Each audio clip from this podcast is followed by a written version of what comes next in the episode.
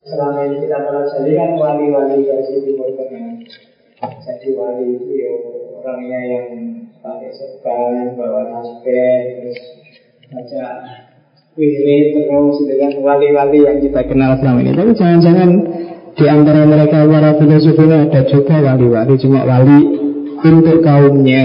Kalau di Ibnu Arabi wali itu ada sekitar 35 jabatan wali seluruh dunia yang itu gonta ganti terus orang yang meninggal ganti lagi ganti lagi.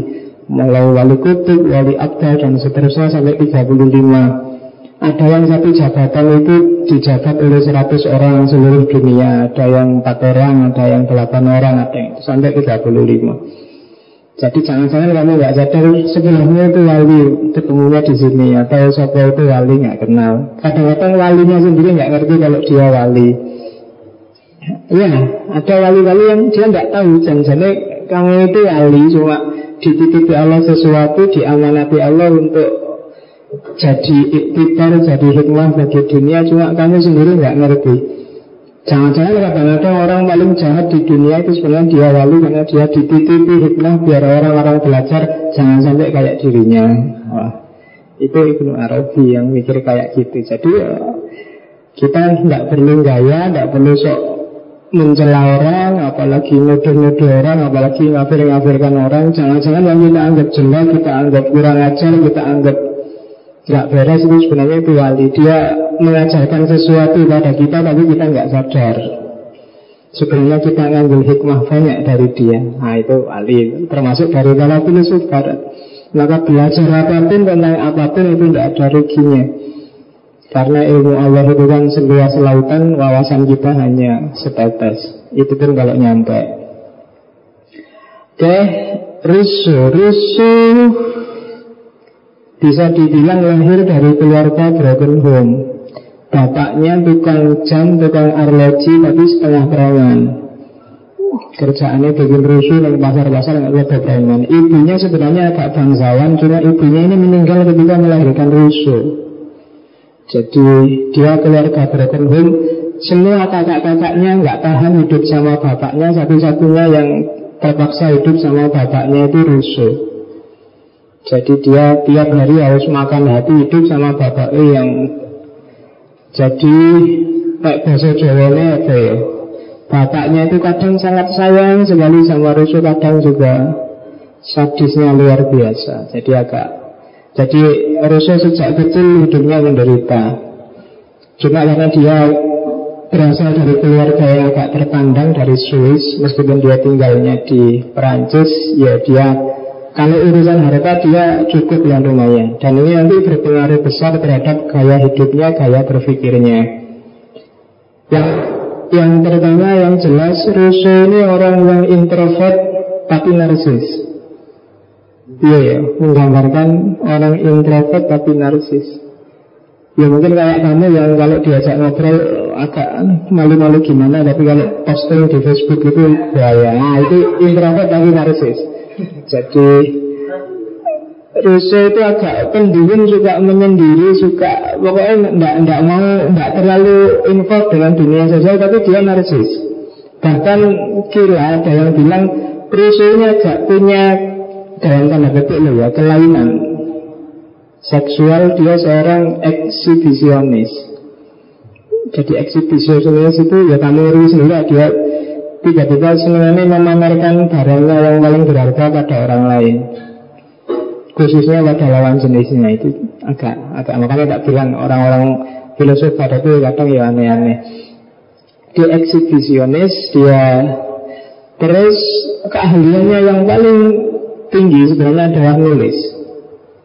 Nulis novel nulis ilmiah nulis pokoknya nulis. Dia jadi terkenal sebenarnya karena tulisan-tulisannya beberapa kali menjuarai lomba karya tulis. Jadi kamu yang pintar nulis atau rajin nulis jangan takut siapa tahu kayak rusuh. Gara-gara tulisanmu kamu jadi orang besar. Karena dia ahlinya memang nulis itu rusuh. Uh, introvert eksibisionis narsis itu dia pokoknya pengen dipuji dia pengen orang selalu memperhatikan dirinya Sehingga dalam banyak tulisan kadang-kadang dia ngomong sendiri tentang gimana saya ini orangnya menderita, orangnya susah, saya punya banyak penyakit, saya bertahun-tahun nggak bisa tidur, saya kok senang gitu. Mendramatisasi hidupnya sendiri terus diungkapkan dalam tulisan biar orang tertarik pada dirinya, selalu perhatian padanya, jadi agak narsis. Jadi jadi cuma eh, ya nggak ada apa-apa aja ya kayak kamu di Facebook gitu loh, lagi galau nih, lagi itu kan orang dari nggak perhatian jadi perhatian. Terus semuanya komentar kenapa? Ada apa? Terus dari kamu perhatian kamu padahal ya orang lain ada cuma biasa aja. Itu itu, itu gayanya rusuh sebenarnya. Jadi nggak aneh apa ya seolah-olah masalah. Terus cirinya lagi dia ini agak apa nih bahasanya Maria Teguh itu womanizer. Womanizer itu nek bahasa Jawa ini wedok-wedokan uh, petualangan sama perempuan-perempuan aristokrat zaman itu uh, itu rusuh. Meskipun dia sendiri cerita saya sebenarnya punya kelainan Tapi ya dia sukanya diperhatikan lawan jenisnya. Jadi dia melakukan banyak hal, banyak cara, banyak trik Agar selalu jadi pusat perhatian. Itu rusuh. Tapi di luar semua itu sebenarnya dia adalah tokoh besar. Pengaruhnya luar biasa membentuk dunia modern dan bahkan dunia pasca modern. Banyak orang yang sadar atau tidak sebenarnya dipengaruhi oleh Rousseau. Termasuk khususnya dalam dunia sosial dan politik. Kita lihat satu-satu. Ada dua jargon dari Rousseau yang sangat terkenal. Jadi dua semacam kata mutiara di bukunya yang dikenal orang nanti terakhir tak kasih lagi satu. Tapi yang kita sebut dulu dua. Jadi yang pertama adalah katanya Russo segalanya baik ketika keluar dari tangan sang pencipta. Tapi segalanya memburuk di tangan manusia. Jadi kita itu aslinya dulu baik. Diciptakan Tuhan itu fi ahsani takwim Fitrah suci luar biasa. Ah, Tapi terus rusak. Yang rusak ya kita sendiri manusia. Jadi semuanya begitu original dari Tuhan Yang awal itu sip Kualitasnya bagus, luar biasa. Tapi terus begitu kita menjalani hidup Berhubungan dengan orang lain Kita sendiri membantu hidup kita Terus pasti akhirnya terus jadi rusak jadi dalam teori manusia hakikatnya manusia itu bagus. Manusia sendiri yang merusaknya. Dan 99% yang merusak manusia itu ya dunia sosialnya. Terus nanti satu-satu akan kita jelaskan itu. Yang kedua katanya Rousseau yang terkenal lagi slogan dari Rousseau Manusia itu dilahirkan bebas. Tapi coba dilihat Di mana pun ternyata manusia itu terbelenggu kamu sadar atau tidak? Kamu yang merasa bebas sekalipun Tapi sebenarnya kamu sedang terbelenggu. Oleh konsep-konsepmu sendiri Oleh nilai-nilai yang kamu anggap benar Oleh aturan-aturan masyarakat sekelilingmu Oleh banyak sekali yang membelenggu kamu. Ngaji filsafat ini kaya-kaya bebas Santai saklar mode Tapi mungkin secara nggak sadar ada kok Aturan-aturan yang kita sepakati entah ya entah enggak entah kamu sadar apa enggak. Itu kan kan ada aturan-aturan. Misalnya aturan apa dimulai jam 8 aturan apa lagi? Kalau datang ke sini saya duduknya di sini kamu yang duduk sana jangan berani-berani duduk di sini loh ya. Ya itu kan kayak semacam aturan. Apa enggak boleh kamu tiba-tiba duduk di sini dan saya di situ aja ngadep ke sana. Ya bisa aja tapi kan ada konsensus yang kita nggak sadar yang membelenggu kita bahwa pokoknya saya di sini kamu di sana Macam-macam mungkin cara berpakaian, cara macam-macam. Ini sebenarnya belenggu yang ada di pikiran kita. Jadi kita itu hakikatnya bebas, tapi kita sendiri yang membelenggu diri dalam banyak hal. Nah, itu tesis besarnya Rousseau. Ya silahkan kamu jelimuti sendiri dalam hidupmu belenggu itu apa aja. Kadang lucu, kadang ya serius, kadang ya macam-macam. Mulai model baju, cara cukur, cara misalnya kamu berani nggak hari ini gundul itu mungkin tak tanya satu dua ada yang berani, ada yang nggak berani, ada yang macam-macam. Siapa sih yang harus mata rambutmu harus modelnya gini itu nggak sekali-sekali gundul, nggak bisa pak. Kalau gundul saya jadinya nggak cakep. Siapa yang bilang? Ya kan, kamu di, dibelenggu sendiri oleh konsepnya sendiri. Saya harus pakai jin itu kalau ini sini. Baju itu kalau atasnya terang ya kalau bisa bawahnya gelap laporan dulu itu menang-menang kamu bikin aturan sendiri. Atau nggak boleh kamu jinnya warnanya hijau dan bajunya warnanya kuning. Boleh aja. Nggak ada orang yang balikin dan nggak ada orang itu boleh aja. Rambutnya kamu bikin kiri-kiri kamu gundul itu bisa kamu keriting boleh aja kok. Tapi kan kamu ngatur dirimu sendiri nata-nata kamu sendiri dan seterusnya. Apa nggak boleh orang yang ukurannya S pakai baju XL boleh. Sekarang kan banyak yang harusnya ukurannya L malah pakai baju XS. Khususnya yang putri-putri itu kan. Loh, boleh kan kamu malah seneng lihatnya. Oke. Jadi manusia dilahirkan bebas, tapi di mana-mana dia terbelenggu. Kamu, ya mungkin ada yang masuk akal, ada yang kamu sendiri bikin aturan yang tidak masuk akal.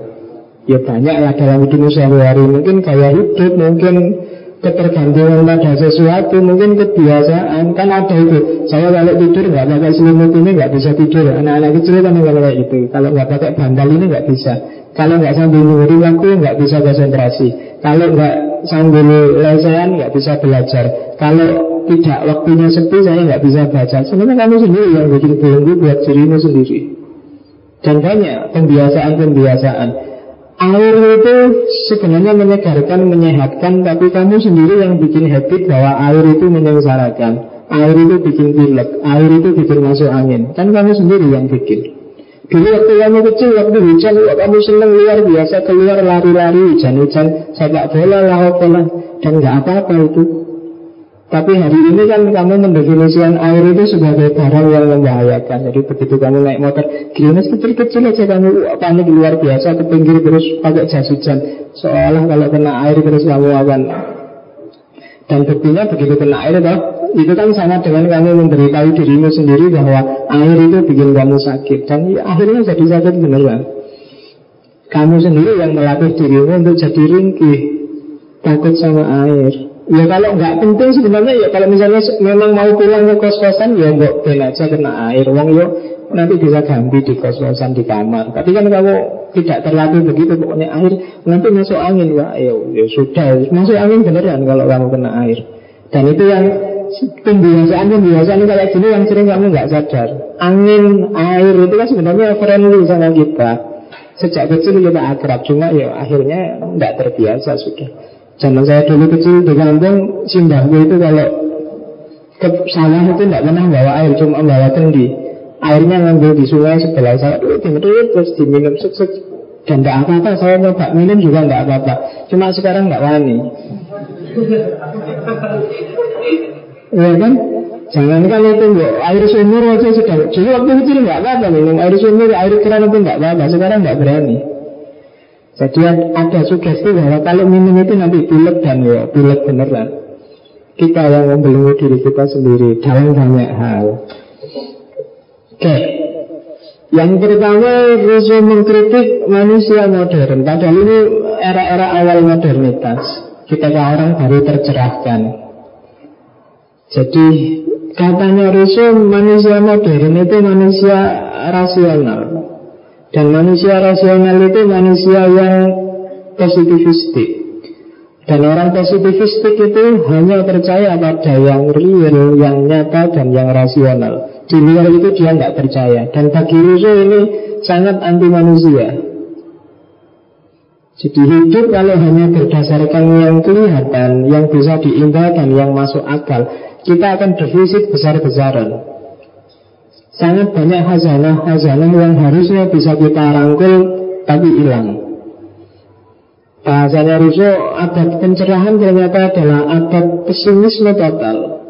Kita merasa pesimis selama ini kita yakin wah agamaku benar Tuhan benar itu kan orang-orang ada tengah. Ada surga dan neraka. Tapi terus drop.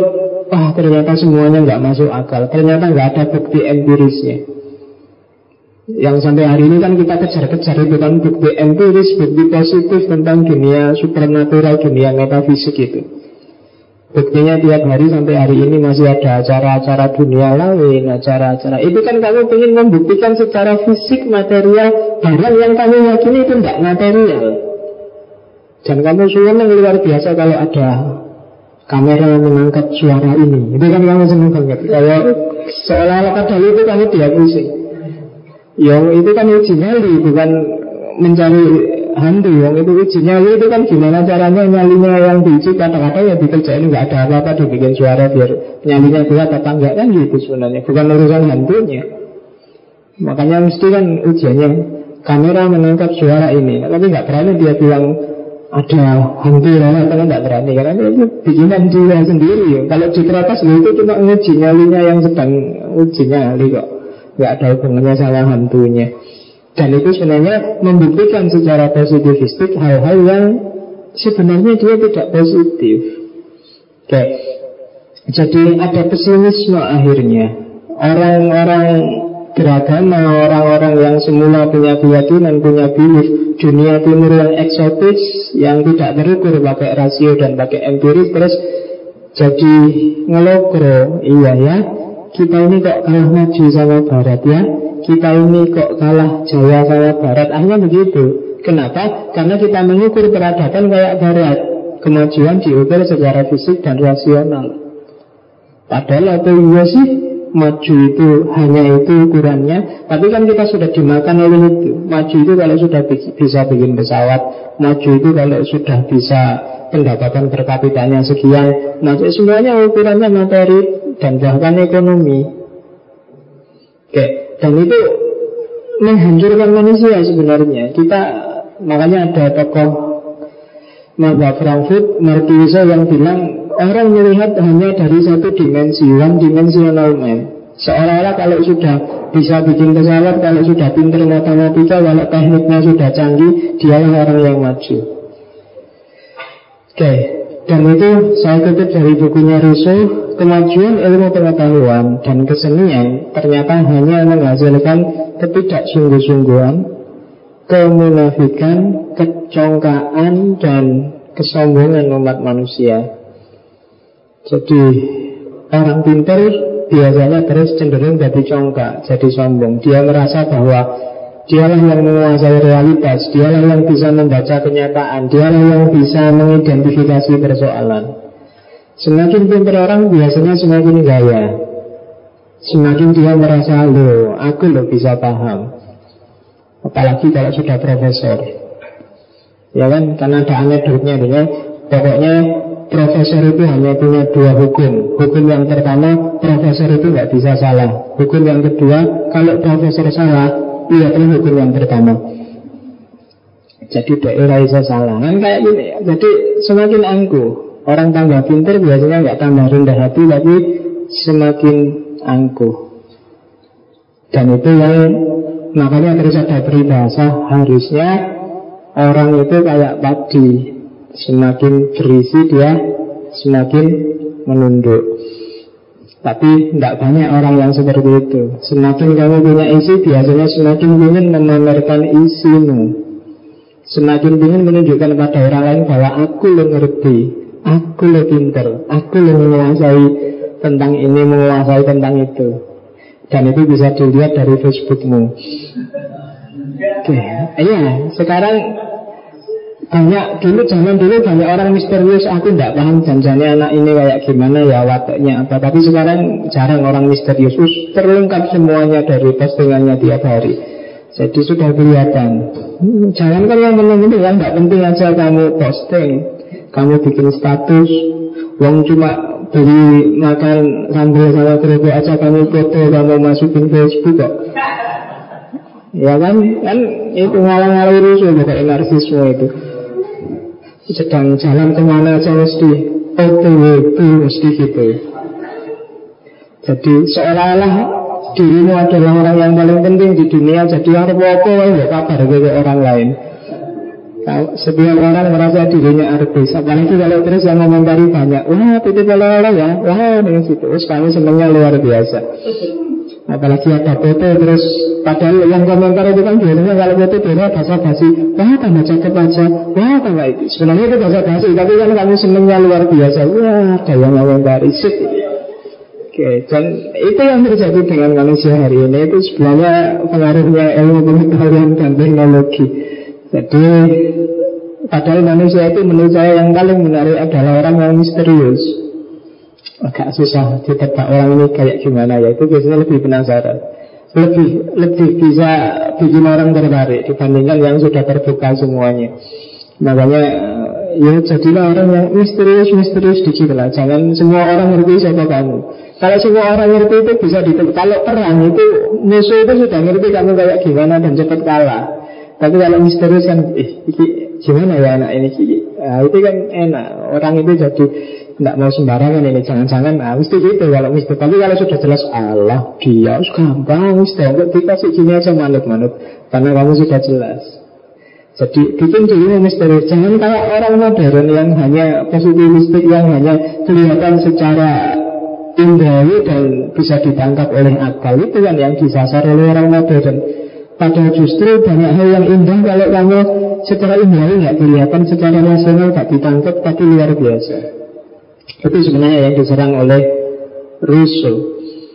Dan untuk bisa seperti ini katanya Rousseau kita harus back to nature, kembali pada kondisi alami kita. Banyak orang keluar dari kerangka alamiahnya, banyak orang yang pakai topeng. Banyak sekali topeng yang kita kenakan hari ini. Bisa kamu cermati satu-satu, kamu coba sekali-sekali tafakur, muhasabah, topeng apa aja sih yang setiap hari tak pakai dalam hidup ini.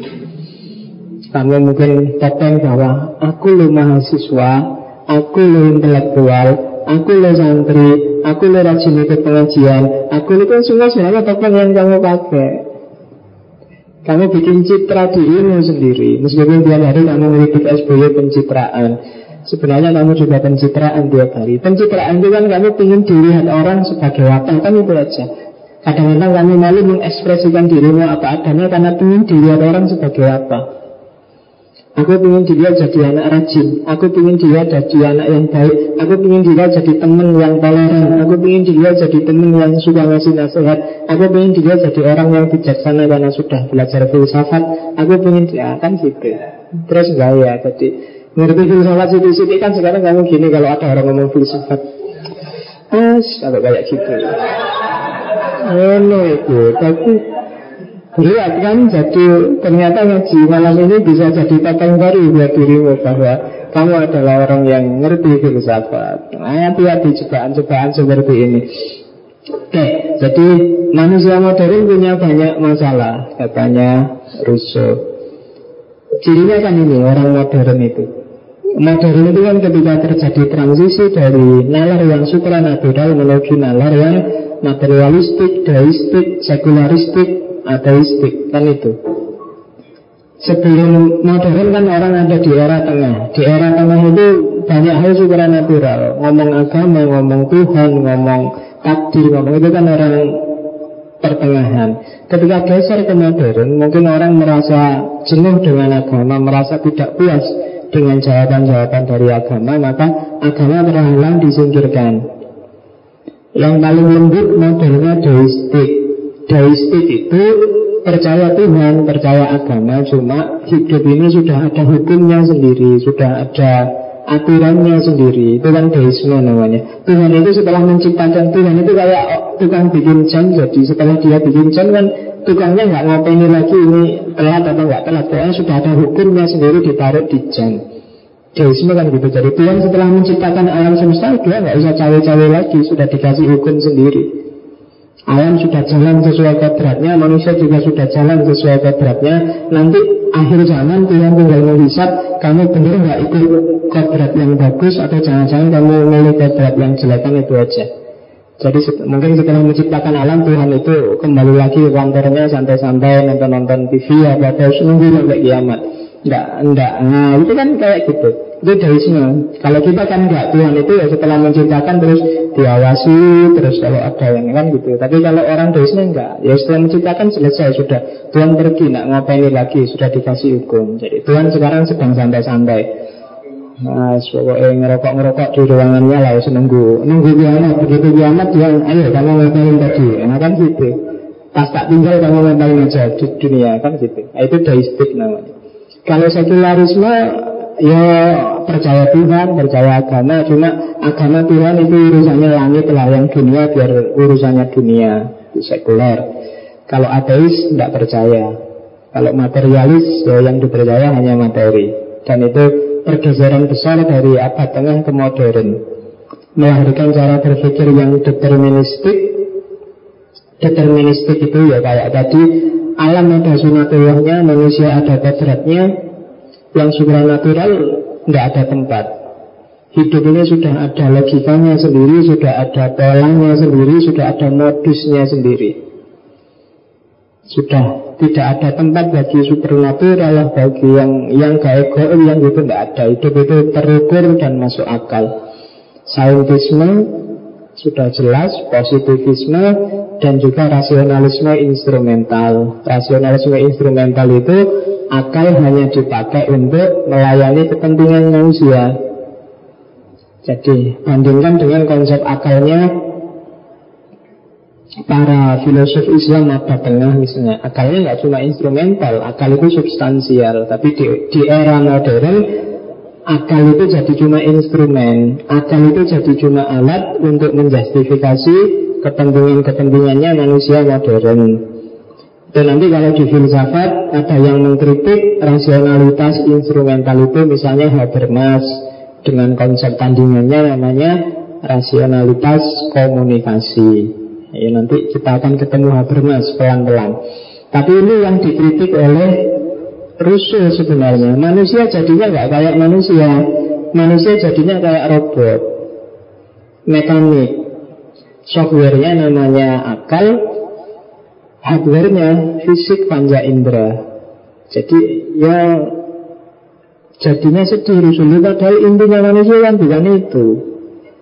Intinya manusia kan ada pada jiwanya, pada rasanya, pada emosinya. Dari situ terus Rousseau mengeluarkan pikiran-pikirannya yang sangat terkenal. Yang pertama idenya Rousseau adalah tentang Coba kita lihat lagi Hakikatnya manusia itu sebenarnya apa sih? Nah ini kan Rousseau nanti. Nanti Rousseau ini sejaman dengan tiga orang Yaitu Thomas Hobbes dan John Locke. Tiga-tiganya ngomong tentang hakikatnya manusia. Kalau Rousseau Manusia itu hakikat aslinya adalah baik Hakikat aslinya adalah damai. Hakikat aslinya adalah lurus. Itu Rousseau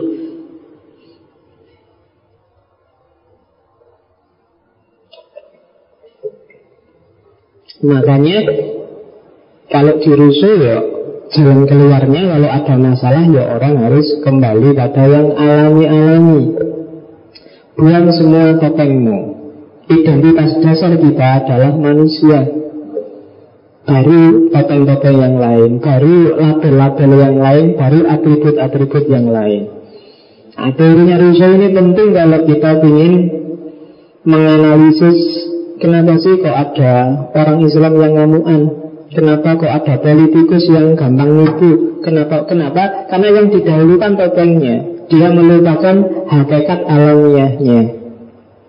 Jadi pertama-tama harus diingat apa pun topeng, apa pun identitas yang kamu pakai, hakikat dasarmu adalah manusia. Baru terus Islam, baru terus Indonesia, baru terus mahasiswa, baru terus takmir, baru terus itu kan label-label. Tapi yang paling dasar itu harusnya manusia. Hari ini kan kebalik, kadang-kadang kamu taruh misalnya Islamnya duluan. Sehingga terus perilaku Islamnya sering nabrak dimensi dasarnya yang manusia. Jadi banyak Muslim yang terus, loh Muslim kok tidak manusiawi? Karena si Muslimnya melupakan kodrat dasarnya sebagai manusia Pertama-tama harus diingat Kamu manusia dulu Maka berperilakulah seperti manusia Jadi banyak orang yang Bunuh orang lain Melakukan perilaku tidak manusiawi Menyerang orang lain Menyakiti orang lain. Nah itu kan tidak manusiawi. Tapi atas nama topeng Entah itu topeng politik Topeng agama Topeng Dan itu yang digelisahkan oleh Rousseau Padahal aslinya kita itu baik kok. Ini kan kebalikannya Thomas Hobbes. Kalau di Thomas Hobbes Ah keliru Aslinya kita tidak baik Aslinya manusia itu jahat Manusia itu adalah serigala bagi yang lain Nah, melihat dua-duanya punya argumen sendiri. Kalau Rousseau kan tadi kayak gitu. Kalau kalau Thomas Hobbes melihatnya, manusia itu apa ya? Egois. Manusia itu individual. Manusia itu selalu memperjuangkan kepentingannya sendiri. Dan nggak peduli sebenarnya sama orang lain. Kalau dia peduli sama orang lain Kok kelihatannya friend Kalau sebenarnya dia menyembunyikan kepentingannya sendiri? Kalau merugikan Ya cepat-cepat dia nggak akan dijadiin teman. Jadi orang itu sebenarnya jahat Hakikatnya. Ingin senang sendiri, ingin menang sendiri, ingin sukses sendiri, ingin jagoan sendiri Itu hakikatnya manusia sudah. Itu katanya Thomas Hobbes. Kalau pakai maksud ya hati-hati kamu jangan percaya dengan teman dekatmu hati-hati. Karena kalau ada yang bilang saya tulus kok saya ikhlas kok. Enggak itu biasanya ada kepentingannya kok. Itu sebenarnya untuk dirinya sendiri nggak ada yang gitu-gitu. Nggak ada orang yang bebas dari kepentingan. Nggak ada orang yang nggak egois. Setiap orang pasti egois kata masuk setiap orang itu siap dan rela mengorbankan yang lain untuk kepentingannya sendiri. Kalau kelihatannya kok dia berkorban itu sebenarnya ada yang disasar di balik pengorbanan itu. Itu katanya pemasuk. Jadi kalau pacarmu bilang hidup mati untuk nulis gak percaya. Itu pasti dia ada kepentingan. Tadinya saya ingin jadi pacare.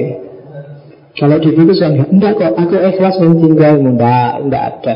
Ikhlas mencintaimu apa? Kalau diputus ya terus langsung ganti lagi. Enggak, enggak bisa. Bukan berarti aku mencintaimu Kalau kamu mencintai itu Kalau enggak ya enggak Kalau kamu mencintai itu berarti kamu memenuhi keinginanku Kalau enggak kan berarti enggak Sebenarnya egonya sendiri Dia sedang mencintai dirinya sendiri Bukan orang lain Kenapa kok ada orang nyumbang sedekah macam-macam? Ya sebenarnya untuk kepentingannya sendiri. Ya tapi ikhlas kok dia nggak minta apa-apa enggak. Ya kalau dikejar paling dasar adalah untuk memenuhi hasratnya untuk bikin dia puas. Alhamdulillah aku bisa sodako. Itu kan sebenarnya untuk kepentingan dirinya sendiri. Jadi egoismenya yang ingin dipenuhi sebenarnya.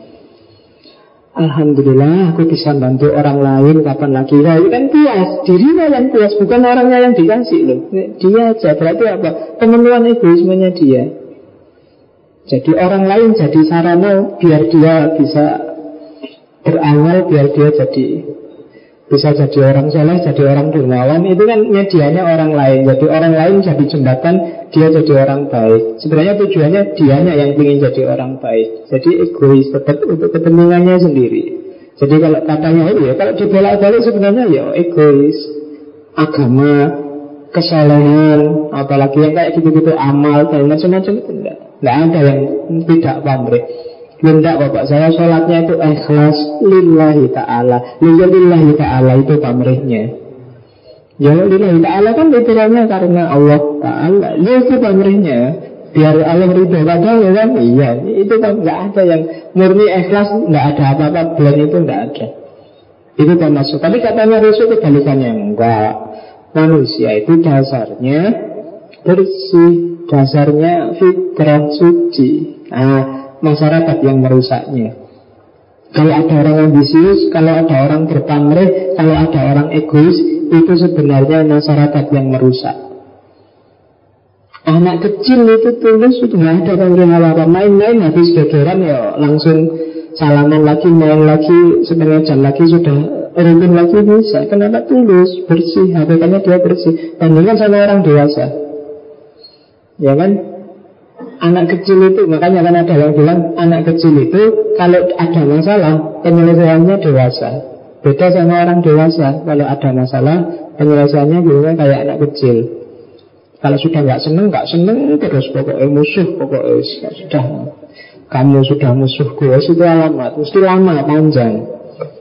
Kalau anak kecil kan enggak Begitu musuhan habis nangis Dijejepi sampai mendel Sebentar lagi ketemu ketawa-ketawa lagi bareng. Orang dewasa nggak akan bisa.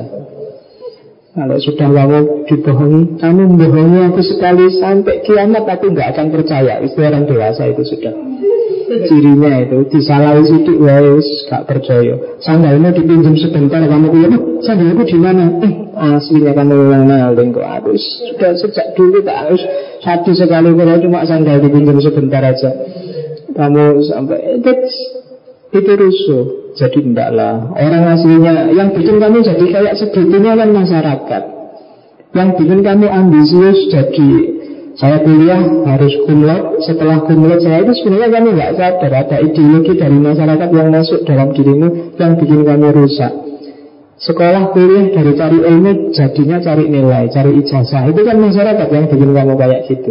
Jadinya cari kerjaan. Itu kan lagi-lagi masyarakat jadi manusia itu suci yang merusak masyarakat. Itu katanya Rusuh. Rusuh ngasih gambaran. Coba lihat orang primitif ketika masyarakat belum lahir. Hidupnya keluar masuk hutan. Ya kan? Tidak ada industri, tidak ada bahasa yang rumit, tidak punya rumah, tidak ada tendensi apa-apa. Kedudukannya sama, nggak ada saling kalah mengalahkan. Ya kan di situ disebut bahwa manusia asli biasanya hidupnya soliter sendiri-sendiri. Baru rusak ketika bikin masyarakat. Ya kan ketika orang hidup sendiri-sendiri di zaman primitif kan tujuannya cuma dua Gimana caranya agar tetap hidup, tidak sakit dan tidak mati. Kan itu aja. Cari makan. Yo kepuasan hewaninya lah yang dipenuhi. Dan tanpa gegeran. Makanya jarang ada hewan itu yang gegeran karena seperti yang digegerkan oleh manusia. Tidak pernah gara-gara pilihan pimpinan Terus hewan itu pecah jadi partai-partai itu tidak ada. Ya kan? Hari ini ketuanya siapa, pokoknya aturannya apa? Kayak monyet itu kan dia punya konsep sosial sendiri Mekanisme milih pimpinan sendiri Dan itu nggak ada yang komplain. Nggak ada, wah ini aturannya lawas ganti lagi. Yang bisa kayak gitu cuma manusia Yang bermasyarakat. Jadi Jangan salah, kalau kamu bilang, oh itu nafsu hewan ini. Nafsu hewan ini lebih tertib daripada nafsunya manusia.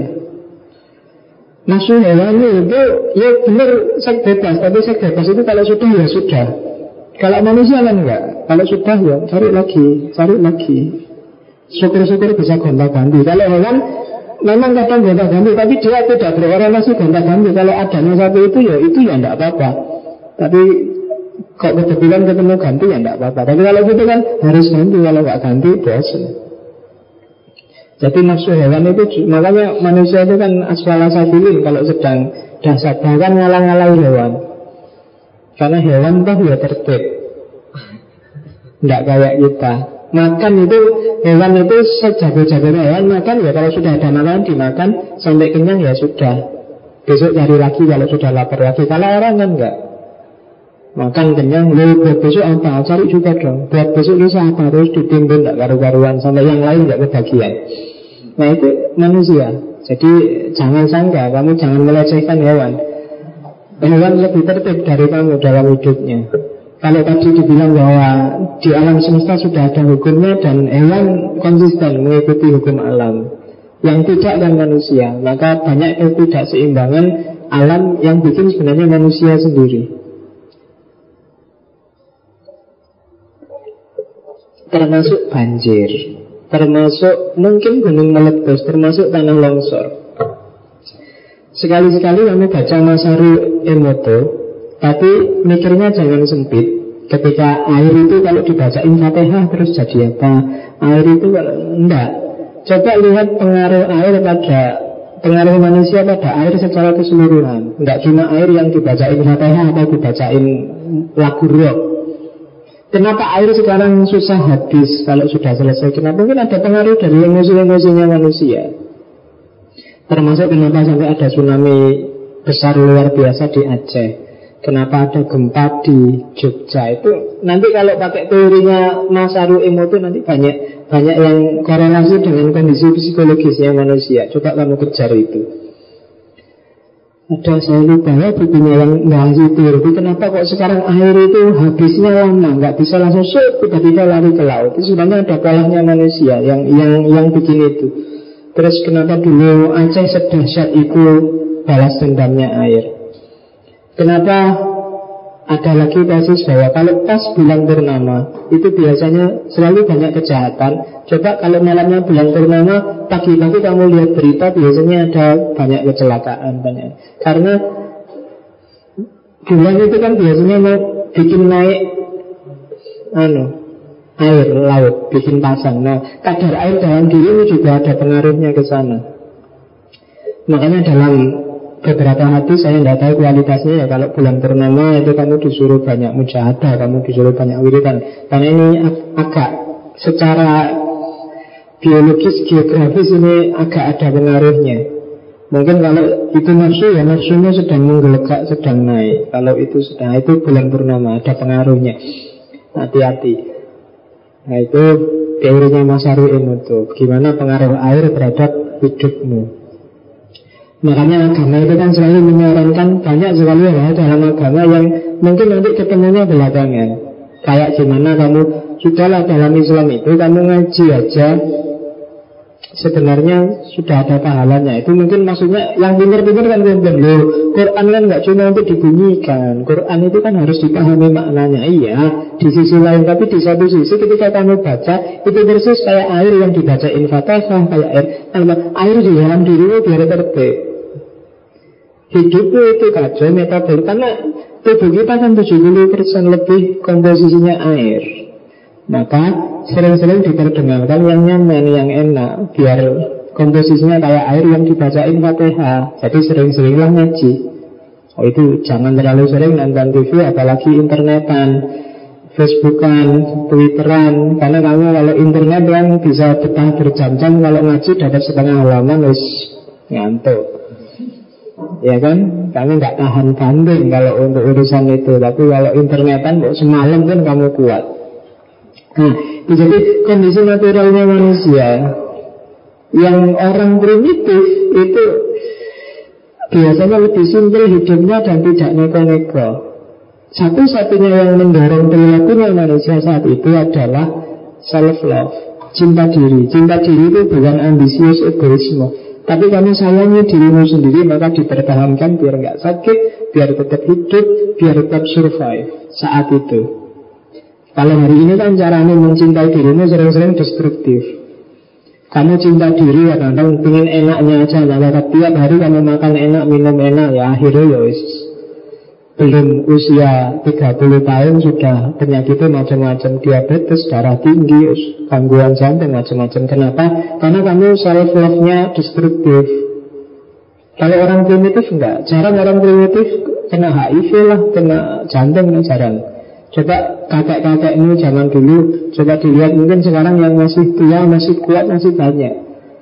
Kadang-kadang bapakmu sama kakeknya lebih kuat kakekmu Karena bapakmu mungkin generasi agak modern Sehingga sudah kena diabetes, sudah kena darah tinggi sudah kena, Sementara kakekmu yang sejak muda di sawah, nyangkul itu mbok masih sudah umur 80-an masih ngopi dengan cangkir besar, ngerokok, wah bos-bos dan umurnya 80 dan nggak punya penyakit apa-apa. Sementara mungkin bapakmu yang umurnya baru 50-an sudah nggak boleh makan ini nggak boleh makan itu nggak boleh. Itu. Itu karena apa? Self love nya self love gaya modern bukan self love gaya primitif. Oke. Nah di era primitif orang tidak berhasrat untuk kekuasaan tidak ingin saling menguasai karena orang tidak berhasrat pada kekuasaan maka orang tidak khawatir pada orang lain. Orang tidak merasa berkompetisi dengan yang lain. Coba rasakan hari ini. Temenmu sekelas itu temen tapi include di sana sebenarnya dia musuh dalam kompetisinya ngejar nilai ngejar ijazah Besok begitu lulus sama-sama nyari kerjaan, sama-sama daftar PNS, lebih musuh lagi. Seandainya sama-sama lulus jadi PNS sak kantor itu lebih musuh lagi karena rebutan nanti jadi pimpinan. Ya kan? Dan itu yang terjadi. Jadi orang lain jadi sumber kekhawatiranmu. Kalau masih mahasiswa gini khawatir jangan Ah dia dapat aku kok untuk E ya Eh dia harus dapat pacar aku kok urung ya Dia harus yes. Jadi kamu selalu khawatir dengan yang lain di sekelilingmu Kenapa? Karena kamu tahu yang lain juga punya pikiran kayak gitu. Wah, nggak cepet-cepet kesalut aku. Kalau nggak itu selalu begitu. Jadi khawatir. Dan Indonesia hari ini kan gitu. Orang serba khawatir dengan yang lain, akhirnya serba berprasangka buruk pada yang lain. Rakyat prasangka buruk pada pemerintah, pemerintah prasangka buruk pada rakyatnya. Presiden curiga pada menterinya, menteri juga tidak terlalu percaya pada presidennya. Kan gitu. DPR merasa dia berkuasa atas rakyatnya, rakyat merasa ya sebenarnya aku yang berkuasa atas DPR dan dan selalu begitu. Dan itu yang terjadi sehingga Indonesia saat ini nggak karu-karuan, pertarungan perebutan power, perebutan kekuasaan. Kami merasa lu kedaulatan di tangan rakyat, katanya DPR lu wakilnya rakyat kan aku. Mana yang lebih tinggi? Ya rakyatnya dong. Ya enggak ya wakilnya. Kan amanatnya sudah dikasih ke aku Berarti kedaulatannya sudah nyampe aku. Dan itu gogeran terus. Nah, Kamu curiga terus pada DPR DPR juga ngelirik terus padamu. Jangan-jangan kamu mau mengkudeta mereka. Dan itu yang terjadi hari ini. Dan itu yang dikritik ya, Salah dewi bikin masyarakat Katanya Russo Hidup sendiri-sendiri aja enak Cuma apa yang bisa Nah, ini tak gambarkan saya nggak tahu ngopi bagus dari internet. Jadi orang natif, orang asli, tapi realitas kan berkembang, nggak bisa dihalang-halangi. Orang terus gara-gara tadi ada kebutuhan seksual, kebutuhan berkembang, terus bikin keluarga, punya anak, jumlahnya jadi banyak. Ketika jumlahnya banyak, terus ada komunitas-komunitas. Ketika ada komunitas, terus ada pembagian kerja. Ketika ada pembagian kerja ya ada waktu macam-macam. Ada waktu untuk santai, ada waktu untuk istirahat. Kalau sebelumnya ketika nggak ada pembagian kerja ya Yang ke sawah, ya yang cari makanan, ya yang itu semuanya ya tanggung jawab setiap orang. Tapi begitu ada masyarakat, terus ada bagi-bagi kerja kami tugasnya ini, ini tugasnya ini, yang urusan bersih jalan tugasnya itu, terus dan ini nanti lama-lama jadi sumber masalah. Ketika orang sudah bermasyarakat Maka ini muncul Cemburu Egois Yang merasa lemah jadi minder Yang merasa kuat jadi sombong. Dimulai konflik demi konflik. Ya kan? Ya persis kayak Nabi Adam misalnya Ibu itu kan? Manusia pertama Ketika cuma Dan Hawa nggak ada masalah Cuma begitu punya anak Dua, empat, enam, sepuluh Muncul masalah. Anak-anak yang awal aja kan sudah gegeran rebutan istri. Saling lirian Saling, wah, nah aku yang cakep dikasih istri yang jelek Tidak adil lah Yang satu, lo aturannya Tuhan memang gitu. Ya enggak lah, kan harus rasional dong. Namanya belum loh yang cakep dikasih yang Kan harus gitu, gegeran mulai ada masalah. Coba cuma dua, kalau Nabi Adam itu kan. Ya adanya cuma hawa, ya wis kuwi harus boleh neng di mana Adanya cuma itu jadi enggak masalah. Coba dulu Hawanya ada dua, hawa satu dan hawa dua. Mesti dua hawa ini gegeran mesti Ini istri pertama aku, aku lebih Ya enggak, yang dua mesti gitu Jadi orang berkumpul pasti terus jadi masalah. Oke, jadi jangan takut dengan gesekan karena Kenapa ada gesekan? Karena kita dekat. Kalau nggak dekat pasti nggak gesekan Kita hidup bersama kan? Pasti ada kecemburuan, ada egoisme, ada minder, ada sombong. Dan itu yang terjadi. Ketika ada masyarakat. Apalagi kalau di Rusuk Lahir namanya hak milik, kepemilikan Kalau masyarakat primitif Semua hal untuk semua orang Bisa karepmu lah kamu nemu apa wis nemu durian ya dimakan durian sudah selesai tinggal sekarang nemu tele ya tele selesai tapi begitu ada hak milik karena kita hidup bersama, ini wilayahku ya. Kalau ada tele di wilayahku, jangan diambil ini milikku. Mulai ada milikku, milikmu. Kalau semuanya itu miliknya bareng-bareng, tapi begitu ada masyarakat sudah ada bagianku, bagianmu, milikku, milikmu, kerjaanmu, kerjaanku. Mulai masalah. Lihat aku tapi butuh tele, enggak bisa tele ini milikku. Kalau boleh ganti sama durenmu, durenmu sini satu, tak kasih teleku satu. Kalau enggak, enggak bisa. Meskipun kamu seperti apa yang ingin dengan tele Kalau enggak ditukar sama durian enggak bisa. Eh ditukar sama pisang aja aku enggak butuh pisang Aku butuhnya durian misalnya. Terus Mulai ada masalah. Ketika orang nyari hak milik Ketika muncul nalar kepemilikan Milikku Bukan milikmu. Milikmu Kalau bisa jadi milikku. Kan itu yang terjadi Bukan kok Milikku milikku Milikmu milikku kan harusnya Tapi manusia kan enggak. Milikku milikku Milikmu kalau bisa kapan-kapan jadi milikku. Dalam banyak hal. Kamu punya mobil, aku punya mobil. Mobilku ya mobilku. Tapi mobilmu ya kalau bisa tak beli kapan-kapan. Misalnya begitu. Pacarku, pacarku. Pacarmu, pacarmu Tapi kalau pacarmu mau padaku ya gak apa-apa Tapi jangan sampai pacarku padamu Nah, ini kamu milih anak itu Jadi itu nalar hak milik Kamu kan selalu begitu kalau pacarmu mau selingkuh, kamu musuhnya luar biasa. Jadi kalau kamu mau selingkuh, ah lagi dia kok marah kan gitu. Jadi saya enaknya dulu. Dan itu yang terjadi. Makanya dalam istilahnya itu, the fall from grace out of the state of nature. Jadi kita sudah jatuh dari rahmat, dari hidayah untuk hidup secara natural dengan lahirnya dunia sosial, lahirnya kepemilikan. Jadi kita lahir suci, kita lahir bersih, tapi rusak oleh dunia sosial. Karena udah kepemilikan tadi, lama-lama muncullah kelas sosial. Ada orang kaya, ada orang miskin. Ada orang tertandang karena dia bisa melakukan banyak hal, ada orang yang tidak bisa apa-apa. Karena aksesnya terbatas, maka muncul kelas-kelas sosial. Nah, kelas sosial ini kalau nggak diatur pasti terus rusak, yang lahir konflik. Oleh karena itu terus dilakukanlah namanya kontrak sosial. Ayolah kita sepakati kita bikin kontrak karena kita terlanjur hidup bersama ini. Harus kita atur gimana tata aturan kita hidup bersama.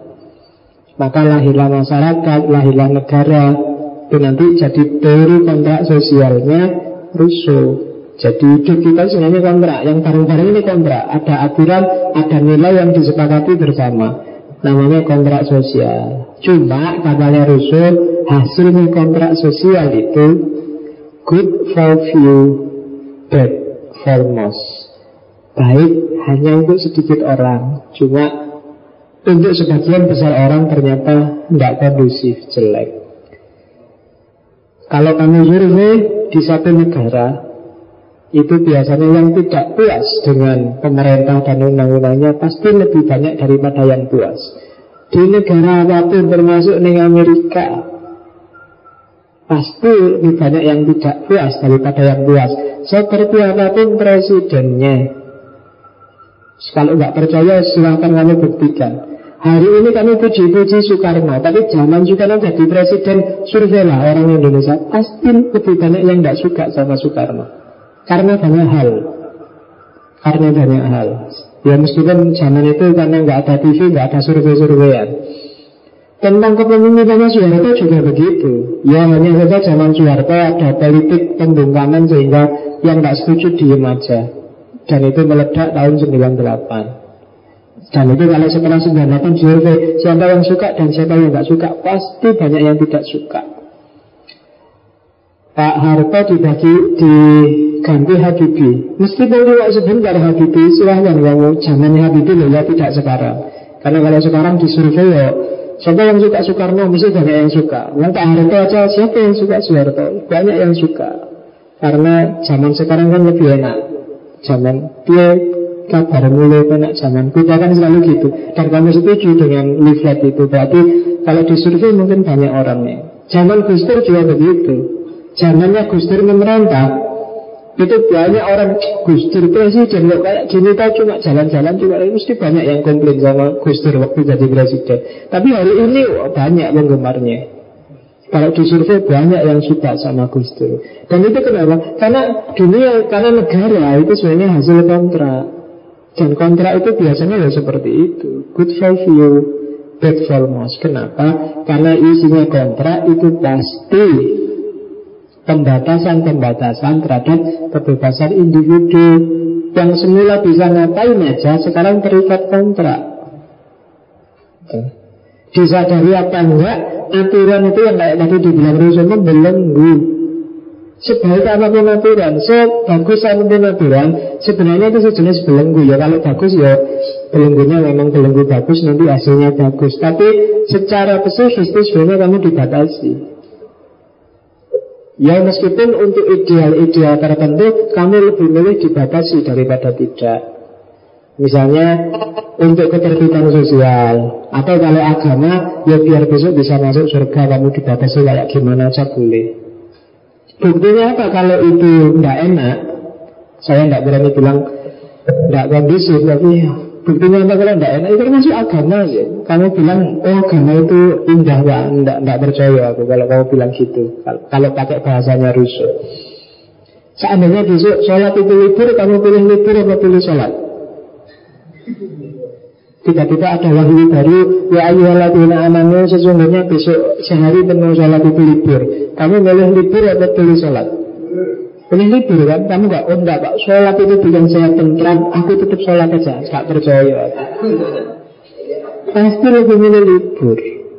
Karena sholat itu aturan yang membatasi kebebasannya untuk ngapain aja tidak dipotong oleh sholat. Puasa juga begitu. Kalau tiba-tiba ada wahyu saudara-saudara puasanya sekarang diganti tidak subuh sampai maghrib, tapi dibalik maghrib sampai subuh. Ah, kamu milih mana? Ayo. Nah, milih maghrib sampai subuh, milih yang enak. Ada ada belenggu yang ya memang dibikin kayak gitu lah. Kalau agama enak kan ya nggak ada reward and punishment. Agama itu memang pajak yang diminta Allah karena dia ngasih kamu banyak pajaknya. Ayo sholat, ayo puasa, ayo kan itu aja. Oke, kita lihat kenapa sih kok jelek.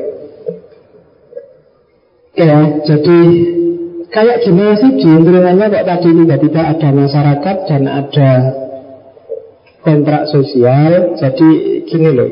Yang pertama, ya manusia itu memang secara alami dia damai, dia tentram. Cuma kan manusia punya akal. Manusia ingin maju. Dia punya kehendak bebas, punya free will dan punya self improvement. Gara-gara punya akal inilah maka dia ingin maju apalagi dia bebas. Gitu. Nah, karena dia punya akal dan ingin maju, karena dia juga bebas, maka terus dia punya target-target, punya cita-cita, punya keinginan-keinginan. Yang banyak di antara keinginan-keinginan itu tidak akan bisa dia penuhi tanpa kontak, tanpa kerjasama, tanpa ada orang lain yang mewujudkan secara bareng-bareng. Contoh paling gampang adalah kamu kan butuh secara alamiah butuh pasangan.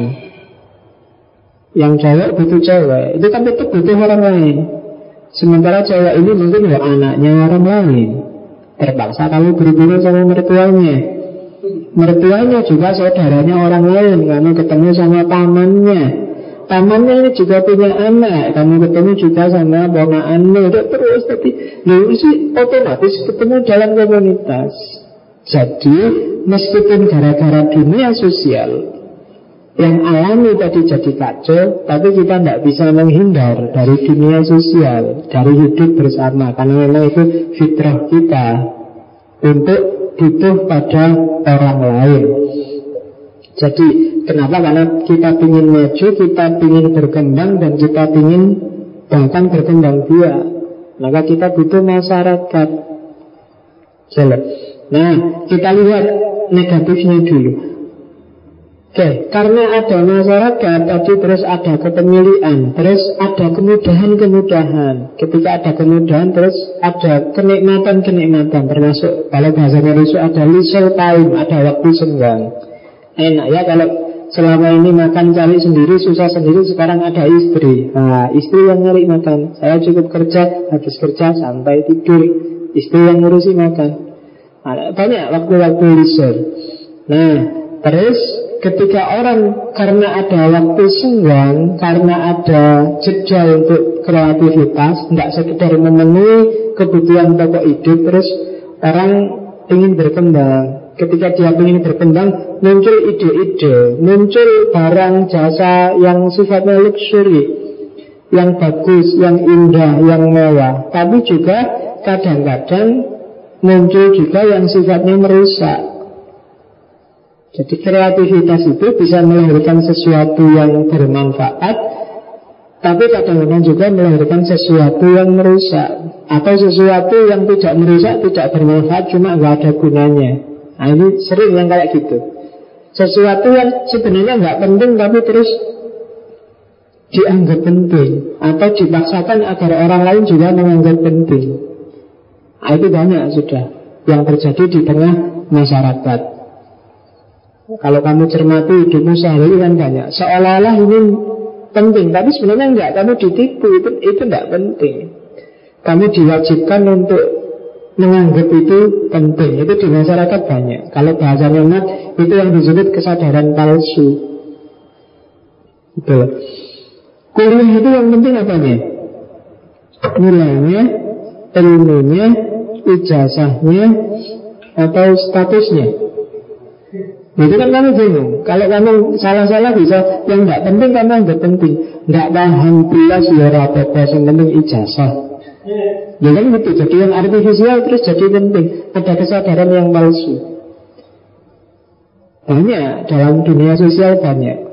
Kamu sholatnya kusuk beneran peduli amat Yang penting ketika kamu ke masjid Gak sajadah, pakai serban, pakai bawa tasbih Dan orang melihatnya Wah ampun tenan Terus jam tangan Gak penting sini apa sih Penting kan serbanan dan bawa tasbih Banyak yang parameter-parameter yang Lu janjinya itu gak penting Tapi dianggap penting. Dan itu lahir karena logika sosial. Makanya banyak konsep dalam agama itu yang menabrak ini. Coba jangan percaya deh dengan logika sosial Karena banyak yang menipu. Tidak ada jaminan yang santri itu hidupnya lebih lurus daripada yang tidak santri. Tapi kan prototipe di masyarakat santri. Dia pasti pinter ngaji Dia pasti pinter ceramah Dia pasti kan gitu Oh mahasiswa UIN Oh mesti ngajinya jas ini pinter khotbah, sip, pinter adan, sip kan itu yang yang di, yang ada di masyarakat. Seolah-olah parameter-parameter religiusitas, parameter rohani adanya di situ. Dan itu yang tidak penting terus jadi penting. Hanya yang lebih artifisial lagi, misalnya kamu akan dianggap rajin sholat kalau hitam. Oh, itu lebih artifisial lagi, tapi lihatnya kamu langsung sholat. Iya pak, saya lima waktu lengkap Tidak percaya. Buktinya batukmu belum hitam? Kalau kamu rajin sholat Harusnya sininya sudah hitam Sudah, nah, itu kan seolah gitu. Kamu ikut sunnah Rasul enggak? Ikut pak, enggak percaya. Ikut sunnah Rasul itu celananya harus kompang Harus punya jenggot Harus Parameter-parameternya bikinan Yang tidak substansial Diposisikan sebagai substansial yang harusnya tersier diposisikan sebagai sekunder atau malah diposisikan sebagai primer. Kenapa bisa begitu? Ada leisure time. Orang lebih melihat selera dibandingkan fungsi. Banyak corrupted needs, kebutuhan-kebutuhan yang bobrok, yang justru menjerumuskan. Janjane HP yang bermerek itu kamu butuh beneran apa enggak sih? Buat apa sih kamu beli smartphone itu?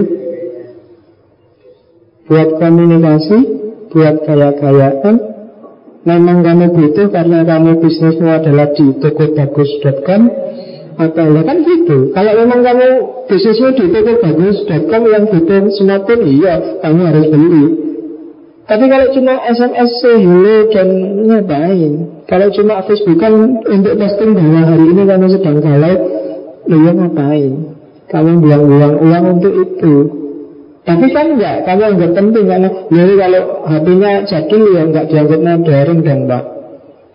Kalau HP-nya edisi kuno ya enggak seru loh Pak. Ya kan gitu kan selalu. Yang enggak penting terus jadi penting. Itu kenapa masyarakat. Yang sekarang apa yang enggak kayak gitu? Motor aja kamu nyari merek Nyari yang ya kelas berapa lah Kalau motor itu ya parkirnya kamu ngambil ngelik-ngelik. Tapi kalau pakai fiction atau pakai apa kamu keras-kerasin suaranya, kamu biar orang semua ngerti. Begitu masuk ruangan kuncinya kamu taruh di depan jeruat gitu. Uh, motor Tapi kalau pakai pitung kan kamu datangnya belakangan, materi diselip ke di pojok, terus orang gelem. Kalau pulangnya paling belakangan nunggu yang lain bubar semua baru keluar itu gitu gitu ya pitung. Itu kalau bisa jalan kadang-kadang London. Saya kemarin dan motorku bocor tak tuntun ada mahasiswa motornya kok dituntun pak masih galak apa? Kalau tarik gak Gak boleh ganti nonton anak ini Emangnya dianggap apa Motornya masih galak Jadi harus dituntun Gak bisa dinaiki Dianggap jaran Oke. Nah Ketika ada logika yang tidak penting dianggap penting, ada pembalian-pembalian, ada kebutuhan-kebutuhan yang dimanipulasi itu biasanya dilanggengkan dan dilakukan oleh kelompok yang namanya dominator. Orang-orang yang dominan, orang-orang yang apa ya punya kuasa, dia punya pengaruh. Kenapa dia bikin kadang-kadang barang yang tidak penting diposisikan sebagai penting, biar pengaruhnya tidak hilang. Itu dibikin produk baru, dibikin ide baru, dibikin jasa baru yang melanggengkan kekuasaannya. Kalau dia pemerintah bikin aturan undang-undang yang biar kekuasaannya bisa panjang. Oke, dari situ nanti lahir pemerintah, pemerintahan, lahir civil society, lahir yang seperti itu. Jadi ada kelompok elit yang bikin macam-macam tadi yang tujuannya biar kekuasaannya langgeng dan status quo terjadi. Dan itu yang terjadi di masyarakat. Kalau nggak percaya, coba lihat perilakunya para pembesar, para yang punya kuasa, para yang punya jabatan. Itu biasanya produk yang dia hasilkan apakah itu ide atau pikiran atau jasa itu biasanya yang melanggengkan kekuasaannya. Apakah itu kekuasaan politik atau bahkan kekuasaan agama. Jarang ada kiai yang berani berfatwa yang nanti meruntuhkan karismanya meruntuhkan otoritasnya. Pasti yang sejalan dengan yang bisa menjamin status quo-nya kalau semua orang misalnya isinya sedang mencaci maki, ya dia harus ikut mencaci maki karena kalau enggak melawan Messi nanti dia bisa kehilangan kekuasaan. Kalau semuanya sedang pro Jokowi, dia harus ikut-ikutan mendukung Jokowi. Kalau kalau enggak gawat, besok dia dianggap musuhnya Jokowi enggak jadi pejabat lagi. Kalau semua dan itu yang terjadi di yang namanya masyarakat. Ada banyak manipulasi-manipulasi, ada banyak korupsi-korupsi yang memang dilahirkan untuk melanggengkan kontrak, melanggengkan dunia sosial. Nah, dari kontrak sosial itu nanti ada cara gimana sih cara kontrak sosial ini ini teorinya Foucault lagi bahwa yang jelas katanya Foucault ada ada teori general will Katanya Foucault kita tidak akan bisa kembali lagi Meskipun kami merasa ya ya Untuk kita kembali lagi kayak bayi Kembali fitrah, kembali suci nggak bisa.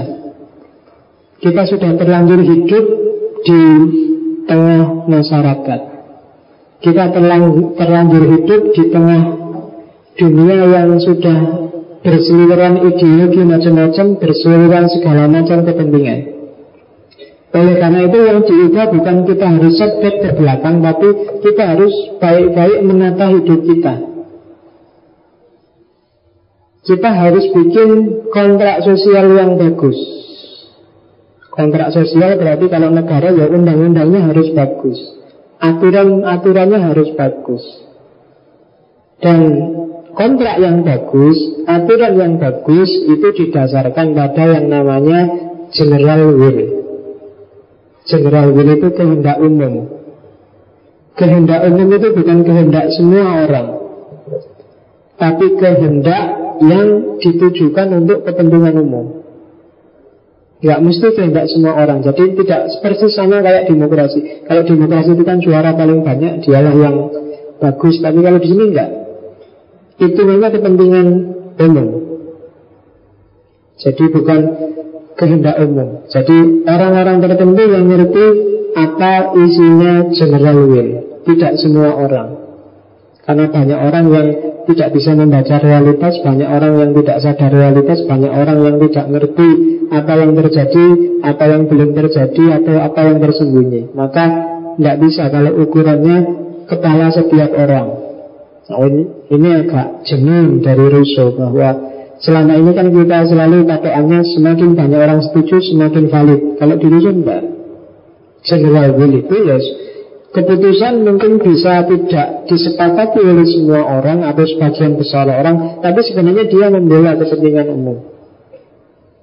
Kalau terjemahannya dalam negara mungkin semacam perwakilan tapi bukan perwakilan rakyat.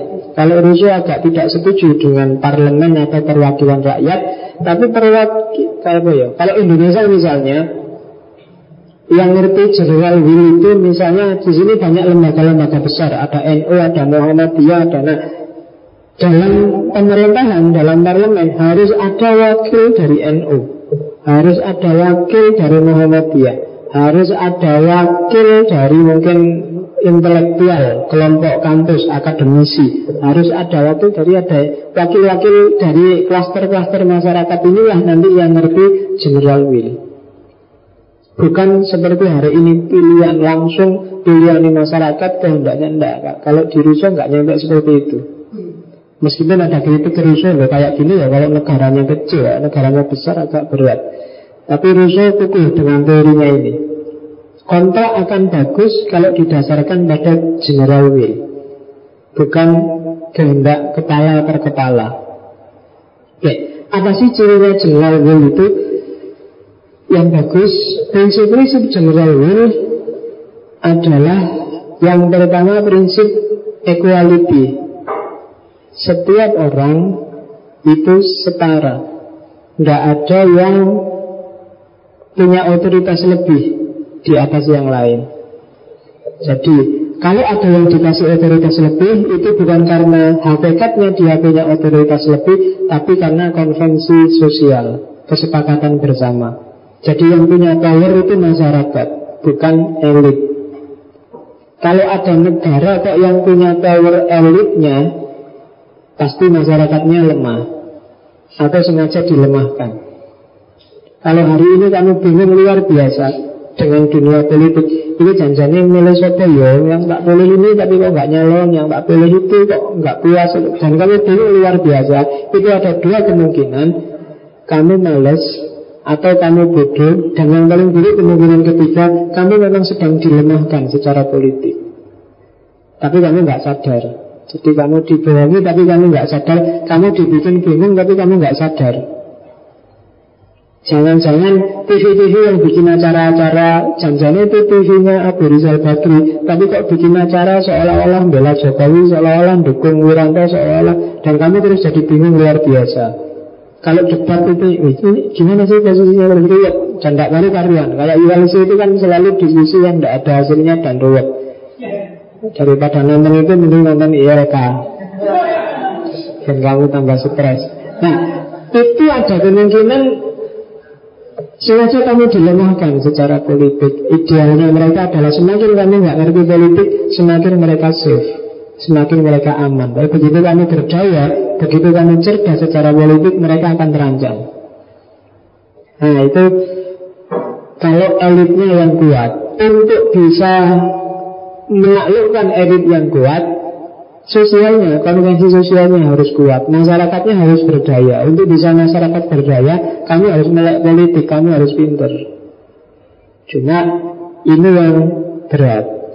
Yang kedua Pertimbangan utama general will adalah harus self-preservation. Jadi menjaga Apa? Diri. Menjamin hak-hak setiap orang, menjamin kepentingan setiap orang. Itu self preservation. Jadi kalau ada aturan yang merusak hak, kalau ada aturan yang menabrak kepentingan orang, itu berarti pasti tidak general will. Yang ketiga adalah general will harus seimbang antara kepentingan bersama dengan individualitas setiap orang. Jangan sampai ada aturan yang bagus untuk bareng-bareng tapi ternyata banyak yang dikorbankan untuk yang bareng-bareng ini. Itu kalau bisa jangan ada. Semakin bagus secara sosial dan individual, semakin bagus dia jadi general will. Tapi semakin timpang, timpang itu ada yang individunya terpenuhi hak-haknya, tapi negaranya jadi kacau itu timbang. Atau kebalikannya, kepentingan negara diakomodir luar biasa, tapi rakyatnya dicuekin. Itu berarti tidak imbang. Entah dengan ideal atau argumen apa pun, yang jelas tidak imbang. Nah, untuk bisa imbang, kepentingan akom, kepentingan individu diakomodir, tapi kepentingan politik negara secara umum juga terjamin. Kalau ada yang kayak gini, insya Allah itulah general win. Jadi tidak untuk kepentingan siapa-siapa ya untuk kepentingan negara dan ketika itu kepentingan negara berarti menjamin juga kepentingan kita. Kalau negara sih kamu ya harus berkorban dikit-dikit untuk kepentingan negara. Itu pasti itu yang kayak gitu berarti kebijakan yang tidak general will. Yang general will itu yang yang semuanya enak, yang semuanya terjamin. Hak-hak individu terjamin dan hak negara, kepentingan negara juga bisa jalan. Makanya general will itu kalau bisa dia disepakati dan memberikan keuntungan pada semua orang. Rousseau agak gampang ngomong gini karena benchmarknya Rousseau adalah demokrasi Yunani. Masyarakatnya masih belum terlalu besar. Makanya dia nggak senang dengan model-model perwakilan parlemen kayak DPR. Bagi dia kalau mungkin langsung aja nggak usah ada wakil-wakilan. Atau bikin inovasi baru. Jadi sekarang kan teknologi informasi luar biasa. Sudah nggak DPR DPRan kalau pemerintah ingin ngerti maunya masyarakat dibuka aja online. Nah, misalnya. Jadi urusan legislasinya silakan dieksekusi oleh eksekutif cuma segala maunya masyarakat masukkan aja online terus dipertimbangkan bila perlu di presentase 90% setuju sebelum enggak ya sudah berarti dibutuh mungkin ngono. Kalau model itu kan dia maunya langsung. Kalau di Athena zaman dulu ya rakyatnya jumlahnya masih tidak terlalu banyak paling ribuan jadi bila dikumpulkan sealun-alun sak lapangan sepak bola selesai. Tapi kalau Indonesia kan nggak mungkin. Kalau dikumpulkan banyak-banyak nanti jadi rusak. Paling mesti rusuh yang bal-balan wae rusuh. Nah, makanya katanya rusuh mana tadi? Ini sudah. Itu bentuk negara menurut rusuh Jadi ada negara yang monarki Ada negara aristokrasi ada negara demokrasi. Monarki itu kekuasaannya terpusat pada satu orang. Kalau aristokrasi terpusat pada sekelompok orang, kalau demokrasi kekuasaannya yang paling tinggi kedaulatannya ada di tangan rakyat. Jadi kalau dilihat dari di awal tadi Rusuh sama Thomas Hobbes tadi. Kalau rusuh kan dasarnya manusia itu baik Terus dirusak oleh dunia sosial. Kalau Thomas Hobbes dasarnya manusia itu jelek Maka perlu diatur dalam dunia sosial. Dua-duanya punya kontrak sosial. Cuma kontrak sosial di Rusuh Itu tujuannya adalah Biar dunia sosial tidak terlalu merusak individu. Harus ada kontrak-kontrak yang jelas Sementara kebalikannya kalau di Thomas Hobbes Kenapa ada kontrak? Biar individu tidak merusak komunitas Karena dasarnya manusia itu jahat Maka urusannya negara Kalau di Russo tugasnya negara adalah mengatur rakyatnya kalau eh kalau di Thomas Hobbes, kalau di Rousseau tugasnya negara adalah menjamin kemerdekaan rakyatnya. Jadi bedanya di situ. Yang satu berawal dari manusia itu dasarnya jahat, yang satu berawal dari manusia itu dasarnya baik.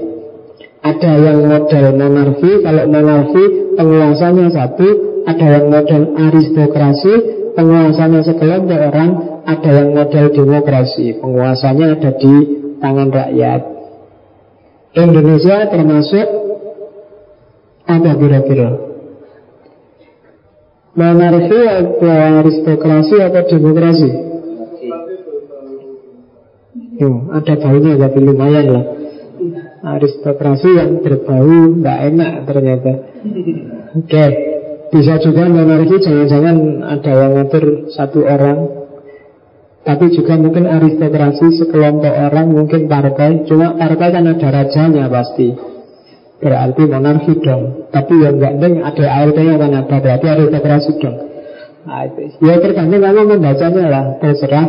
Ada demokrasi? Ya enggak tahu juga. Jadi negara itu kan gini. Negara itu kutub ekstrimnya ada dua. Ada negara totaliter kayak fasis Ada negara anarkis Di tengah-tengahnya ini baru main Kayak misalnya demokrasi. Jadi kalau negara totaliter itu negara ngatur semua urusannya rakyatnya. Mulai kamu sekolah pakai seragam apa Kamu kawinnya harus seperti apa Kamu sampai rumahmu tingginya minimal berapa. Itu kabeh negara yang ngatur. Itu namanya negara yang totaliter. Kutub sebelahnya namanya anarkis Rakyatnya beli seakar dewe Negara cuma ngawasi sebenarnya aja bagiran anarkis. Jadi negara fungsinya pengawas, pengaman. Kamu mau ngapain aja boleh. Suka-suka kamu. Kamu mau kawin sama 100 orang boleh. Kamu mau bikin rumah sekian oh boleh asal nggak tabrak sama. Ini anarkis. Di tengah-tengahnya baru ada yang agak seimbang misalnya demokrasi. Demokrasi itu ya setiap suara dipertimbangkan, tapi kan ada konstitusi yang ngatur, ada suara rakyat didengarkan, negara yang mengontrol dan seterusnya. Nanti ada yang sosialis. Kalau sosialis itu negara ngatur sejauh mana agar distribusi kekayaannya merata.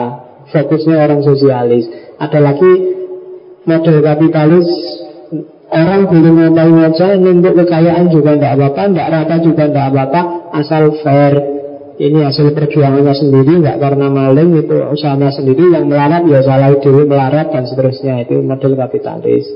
Dan seterusnya itu bentuk-bentuk negara. Kalau di Rousseau fungsinya negara adalah untuk menjamin agar individu seseorang tetap bisa jalan. Yang agak unik nanti silakan didalami sendiri-sendiri bagi Rousseau Hati-hati karena dunia sosial itu merusak Di antara yang menjamin status quo tadi Agar yang punya kuasa tetap punya kuasa agar daya rusaknya lebih banyak itu biasanya terus dilahirkan seni, dilahirkan sastra, dilahirkan ilmu pengetahuan. Itu yang bikin orang cinta dengan dunia sosialnya, yang bikin orang bisa menikmati suasana perbudaannya, orang bisa. Jadi budaya itu bagi Rousseau fungsinya artifisial, dia dia bikin orang tidak sadar. Dengan adanya budaya, kami nggak ngerti bahwa kami sedang dirusak oleh dunia sosialmu. Kamu suka lagu dangdut, suka Indonesian Idol, suka nonton OVJ, suka nonton itu kan semuanya budaya. Tapi kami nggak sadar sebenarnya kamu pelan-pelan dirusak oleh budaya-budaya itu. Kami bisa menikmati situasi bahwa kamu sedang dihegemoni, bahwa kamu sedang diperbudak, bahwa kamu sedang karena kamu suka sepak bola maka kamu di kadang-kadang di ayo nonton sepak bola tapi di balik sepak bola ada iklan terselubung ada kan gitu selalu. Karena kamu suka ketawa-ketawa dikasih OVJ, dikasih YKS, dikasih itu tapi ada banyak yang bikin kamu terlena biar kamu tetap enjoy, tetap nikmat hidup di dunia sosial. Kadang diintrodusir nilai-nilai moral yang sebenarnya itu cuma kami kamuflase untuk menutupi bahwa ada sebenarnya nggak harus seperti itu. Untuk menutupi bahwa dia orang jahat, untuk menutupi bahwa dia manipulatif terus dibikin kode-kode etik, dibikin sistem-sistem tata kerama yang sebenarnya itu cuma selubung. Ya kalau sama orang tua itu ya jangan gitu. Orang tua itu kan nah Kalau sama yang muda Ya sama yang muda itu harusnya menghargai dong Jangan gampang marah. Ada banyak sistem Ada banyak kode etik yang dibikin Sebagai selubung Sehingga kita tidak bisa membaca kesejatian. Tidak bisa ketemu lagi dengan kondisi alamiah kita. Kita mau marah Eh jangan marah. Marah itu berarti setan sedang menguasai dirimu. Oh ya nggak jadi marah kita mau kesel, jangan kesel itu nanti merusak jiwa. Kamu nggak natural akhirnya. Mau nangis saja cowok kok nangis. Nah kan gitu.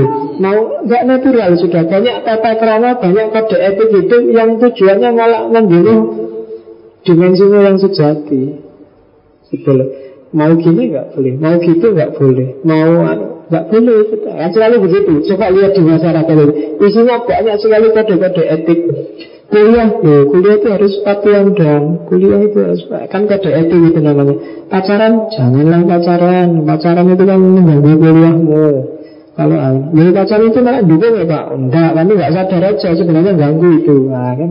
Jadi banyak hal yang apa ya meng menghalangi ekspresi alamiahmu. Kamu jadi nggak natural. Mau ketawa aja diatur ketawa jangan lebar-lebar. Karena kalau ketawa mulutnya terlalu lebar itu nggak sopan. Terus kamu ketawanya sambil gitu kan gitu. Pengguyu aja diatur. Kan jadi jadi nggak enak kamu nggak natural. Waktunya kamu nangis saja juga diatur. Nangis jangan kayak gini jangan berlebihan jangan sambil mukul-mukul badan jangan sambil banyak sekali aturan-aturan sehingga Eh ternyata gara-gara tata kerama hidup Gara-gara etika, kode etik moral Kita sering terhalangi dari spontanitas alamiah kita. Kita jadi nggak alami. Kamu dirimu jadi nggak terlatih Bahwa kalau memang sedang sedih ya sedihlah. Kalau sedang senang ya senang lah Kapan kamu marah, kapan kamu harus tidak marah Kapan kamu harus senang, kapan kamu harus susah Kamu nggak akan peka lagi sudah. Waktunya kamu marah karena ditipu Kamu malah senang Ya kan, waktunya kamu harus komplain, kamu sabar. Waktunya harus nembak, kamu diam, waktunya ditembak orang, kamu marah. Kenapa kamu nggak natural sudah, kamu sudah nggak alami lagi. Maka hati-hati katanya Rusuh. Banyak hal yang membunuh naluri alamiahmu, yang bikin kamu nggak asli lagi. Oke, itu Rusuh. Karena Rusuh andalannya emosi. Jadi rasa, jadi Ya ungkapkan aja rasamu kayak gimana. Kalau memang seneng bilang aja seneng. Kalau enggak bilang aja enggak. Tapi kadang-kadang kami enggak seneng Tapi demi kesehatan oh enak. Dikasih minum Minumannya sebenarnya enggak enak Enggak terlalu manis Tapi ya. Enak sekali. Siapa ya bikin ya aku Akan mesti gitu kamu Ada temenmu bajunya jelek Tapi gimana bajuku bagus enggak Bagus Memang dasarnya kamu cakep kok Padahal itu bahasa basi. Jadi nggak natural kan? Makanya kamu yang di Facebook komentari bagus-bagus itu Jangan percaya. Yang bahasa basi kok itu. Nggak ada orang yang seneng dengan Ketika orang lain bagus Orang lain biasanya sih Jadi orang lain itu biasanya Wah, Mesti kalau ngomong bagus-bagus itu bahasa basi Biasanya. Biasanya Kecuali ada orang yang tulus. Itu kan kalau di rusuh nggak ada. Di mana ada orang tulus? Paling untuk punya kepentingan sendiri. Oh kamu cakep Pak ini punya kepentingan. Oke okay. Nah termasuk ilmu pengetahuan. Itu sebenarnya lahir dari Dimensi-dimensi negatif katanya Rusuh. Kalau di buku ini namanya tak kasih itu Benar nggak sih? Kayak gitu silahkan didiskusikan. Katanya Rusuh astronomi itu lahir dari tahayul Kalau geometri lahirnya dari ketanaan Kalau fisika itu karena orang males saja Kalau ya Kalau seni kalau debat, diskusi itu sebenarnya lahir dari ambisi setiap orang yang ingin dianggap benar, ingin dianggap menang, ingin dianggap pintar. Kalau etika itu lahir ketika orang sombong, merasa dirinya besar, merasa dirinya apa, merasa dirinya luar biasa, merasa dirinya penting, baru lahir etika. Etika itu kan ngatur, harus gini loh ya, harus gitu loh ya, jangan gini, jangan gitu. Itu kan kesannya arogan. Maka katanya Rusuh, ah, etika itu lahir dari kesombongan manusia Nggak natural Yang terakhir pendidikan Ini yang khas dari agak bagus juga silakan diteliti Mungkin ada yang dari jurusan pendidikan Katanya Rusuh, siapa sih yang bertanggung jawab terhadap korupsi individu yang bikin kita kehilangan identitas itu penanggung jawab pertama adalah pendidikan. Jadi Pendidikan itu sering mengkondisikan kita ke wilayah yang tidak alami Kita disuruh gini, disuruh gitu Disuruh jadi ini, disuruh jadi itu Kita tidak alami Padahal harusnya katanya Russo Tujuan pendidikan itu harus bikin orang bebas Merasa bebas, merasa tidak terikat oleh apa pun Kalau ada pendidikan yang bikin orang tergantung dan terikat dengan apa pun, itu berarti pendidikannya nggak sukses. Kok bikin kami terobsesi dengan saya harus jadi PNS, aku harus jadi pendidikan sering begitu kan? Itu berarti pendidikannya ngaco. Jadi pendidikan harus bisa bikin orang bebas, kemudian mengekspresikan dirinya sesuai keinginannya secara alami. Kalau ada yang pendidikan bisa layak gitu, berarti pendidikan itu sukses. Kalau enggak, berarti pendidikan nggak sukses. Jadi tujuan pendidikan itu bikin orang bebas mengekspresikan dirinya secara natural dan terhalang dari segala yang akan merusak dirinya, baik dari dunia sosial, dunia budaya, dunia seni. Itu tujuannya pendidikan. Tugas pendidik adalah membiarkan anak didiknya berkembang menurut alamnya. Jadi jangan diatur-atur nggak boleh merentah-merentah, nggak boleh melarang-larang, apalagi pakai ngukur pendidik yang baik. Hari ini kan yang namanya pendidikan itu kan pasti merentah. Sejak dari pahit sampai mahasiswa. Bikin tugas 20 halaman. Kurang satu halaman, nilainya turun satu. Tuh, merentah. Sejak TK kan gitu. Apalkan kuliah ahad. Perintah. Kalau nggak apal, besok tidak dikasih makan siang Perintah, larangan, hukuman Dan orang terkondisikan seperti ini Jadinya nggak alami Jadi dan jangan terlalu banyak dinasihati macam-macam nggak boleh gini, nggak boleh gitu Kalau dirusun enggak Itu justru akan bikin orang kehilangan identitas Biarkan aja secara alami Kalau bahasanya rusuh Biarkan alam yang mengajar moralitas pada dirinya Biarkan akalnya jalan, biar dia cari sendiri mana yang pantas dan mana yang tidak pantas. Biar dia temukan sendiri. Biar kalau dia jadi orang sopan bukan karena ikut aturan, tapi karena dorongan jiwa alamiahnya sendiri. Kan gitu maunya rusuh. Kalau kamu jadi anak baik, bukan karena kamu ingin dipuji, bukan karena kamu sekedar ikut kode etik di masyarakat, tapi karena memang dorongan jiwamu, kamu lebih nyaman kalau kamu jadi orang baik.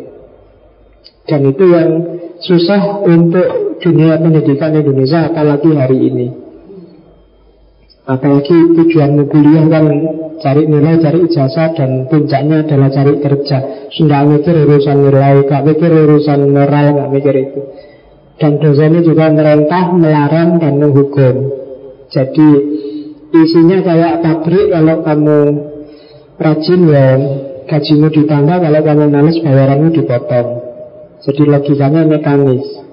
Baik. Jadi dalam pendidikan sebaiknya naluri alamiah cinta diri anak biarin aja. Anak ingin apa? Anak punya cita-cita jadi apa? Anak punya keinginan apa? Biarkan berkembang. Yang aneh-aneh pun biarkan. Kadang-kadang anak yang kalau kecil ditanyakan macam-macam, ingin jadi apa? Jadi dokter, biarin aja kamu jangan komplain. Atau ya bisa bapakmu tani kuliah kedokteran bayarin lah kalau sekarang jangan jadi dokter. Biarin aja kok anak. Biarkan alamiahnya muncul. Ini jadi aku jadi pilot. Ah apalagi jadi pilot naik bisa aja muntah-muntah kamu. Masa jadi pilot misalnya Lalu kan kamu selalu gitu anak kecil ya, silakan diekspresikan. Karena terbiasa dilarang, terbiasa dikecilkan, terbiasa dikerdilkan dirinya. Setelah besar nanti Ya mungkin kayak dirimu hari ini Iya kan? Kamu bingung kan melihat realitasmu sendiri Kalau hari ini kamu tak tanya Ayo, cita-citamu apa? Ayo Jadi kan kamu Gak tahu pak, ya kuliah jalan aja lama sampai besok gimana akhirnya gak tahu itu mengalir aja kan gitu mesti kamu. Kenapa? Karena gak dilatih. Selama ini kamu terbiasa diarahkan, kamu terbiasa disuruh dan dilarang-larang, maka ketika besar mengarahkan dirimu sendiri itu susahnya luar biasa. Karena memahami dirimu sendiri kamu juga tidak bisa. Kenapa nggak bisa memahami diri? Karena selama ini kamu tidak mengekspresikan dirimu secara natural. Terlalu banyak topeng sudah. Membukanya jadi susah. Dan itu kesalahan pendidikan sejak awal kalau dirusuh. Jadi mulai kecil anak sudah dilatih Awas ya ngaji Awas ya harus bisa membaca Awas kan selalu gitu Bagi saya tidak urgent Ngaji itu mbak kami nggak bisa hari ini ngaji, kamu belajar seminggu aja pakai ikra sudah bisa ngaji. Tapi ketika anak kecil kamu paksa luar biasa untuk ngaji, mungkin dia jadi nggak senang dengan ngaji. Dia bisa ngaji tapi nggak suka sama ngaji. Kenapa? Karena kamu paksa sejak kecil. Jiwanya terluka dia. Begitu dengar ngaji dia Dulu waktu kecil aku dipaksa ngaji kayak gini. Muangkel aku sama ngaji itu. Bisa begitu? Baca juga begitu Biarin aja natural. Kalau pas dia mau, ya Kalau nggak mau, ya besok ya. Besok juga enggak, ya besok besok. Ya, Anak kecil gitu. Tapi kalau dipaksa di, Biasanya dia mau ngaji Dan akhirnya bisa ngaji ya Pak Tapi dia nggak akan senang sama ngaji Ngaji bagi dia beban Ngaji bagi dia adalah cerita tentang pemaksaan Yang bikin dia sumpah Nah kan gitu Makanya hati-hati ya Besok kalau kamu punya anak Iya, anakmu harus bisa ngaji, harus bisa baca, tapi jangan dipaksa. Biarin aja natural. Hari ini semua orang berlomba-lomba masukin anaknya ke sekolah unggulan, tapi dia nggak pernah mikir, anaknya itu mau dijadiin apa? Nggak pernah mikir gitu yang penting sekolah unggulan. Bayangannya kalau sudah unggulan terus jadi apa aja bisa, ya enggak ya diarahkan sesuai bakatnya, alamiahnya dia dia bisanya apa sih, senangnya apa sih. Hari ini kan SD aja yang video itu pagi kadang sampai jam 4 Mau dapat apa? Anaknya mau diarahkan ke mana? Itu kan persis kayak kamu ingin kuliah S2 Yang penting yang ada beasiswanya yang mana ya Kan ngono. Kamu nggak mikir jurusan apa? Kamu mau jadi apa? Yang penting anak beasiswa nih Kan gitu. Itu sama lucunya kayak orang tua yang penting sekolah unggulan tadi. Jadi nggak melihat arahnya mau ke mana Kamu jalan ke mana? Kok sing penting ana beasiswa nih Ya waktu kuliah enak kamu dapat beasiswa Tapi kamu rugi waktu. Kamu suksesmu akan tertunda lebih panjang. Kamu maunya ke mana sekarang? Makanya saya tanya Cita-citamu mau jadi apa? Kalau Ya kan? Ya kalau kamu kecil bisa ngawur jawabannya Dokter, pilot sekarang kan nggak bisa.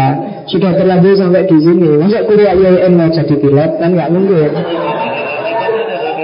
Ya, Raisa sudah terlanjur. Jadi ya rancanglah sesuai kondisimu hari ini.